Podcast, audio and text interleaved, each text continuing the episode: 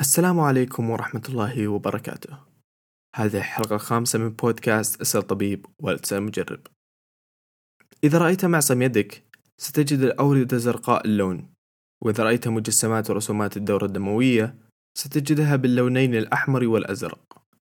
وكثير منا تعلم أن الدم لونه أزرق لكن حال تأكسده في الرئتين يتحول للون الأحمر. أنا محمد البواردي طالب طب وهذا بودكاست اسأل طبيب ولا تسأل مجرب. البعض يعتقد أن الدم أزرق اللون لكن إن جرحت نفسك الدم يتحول إلى الأحمر حال ملامسته الأكسجين في الهواء. للأسف هذه معلومة خاطئة. فالدم غير المؤكسد يكون لونه أحمر غامق والدم المؤكسد يكون لونه أحمر فاتح. بس ليش عروق يدي زرقة؟ الإجابة معقدة شوي. في أربع أسباب رئيسية ليش عروق اليد زرقاء؟ واحد الجلد مكون من عدة طبقات فيشتت ويمتص الضوء بشكل مختلف صعب التنبؤ به. اثنان تأكسد الدم يلعب دور كبير في امتصاصه الضوء.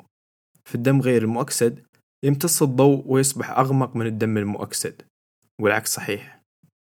ثلاثة عمق وقطر العرق يلعب دور.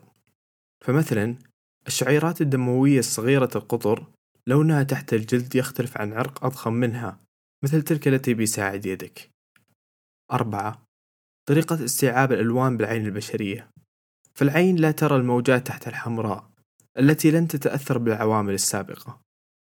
معلومة إضافية للحلقة الكثير يعتقد أن الهيموغلوبين هو ما يعطي الدم لونه الأحمر.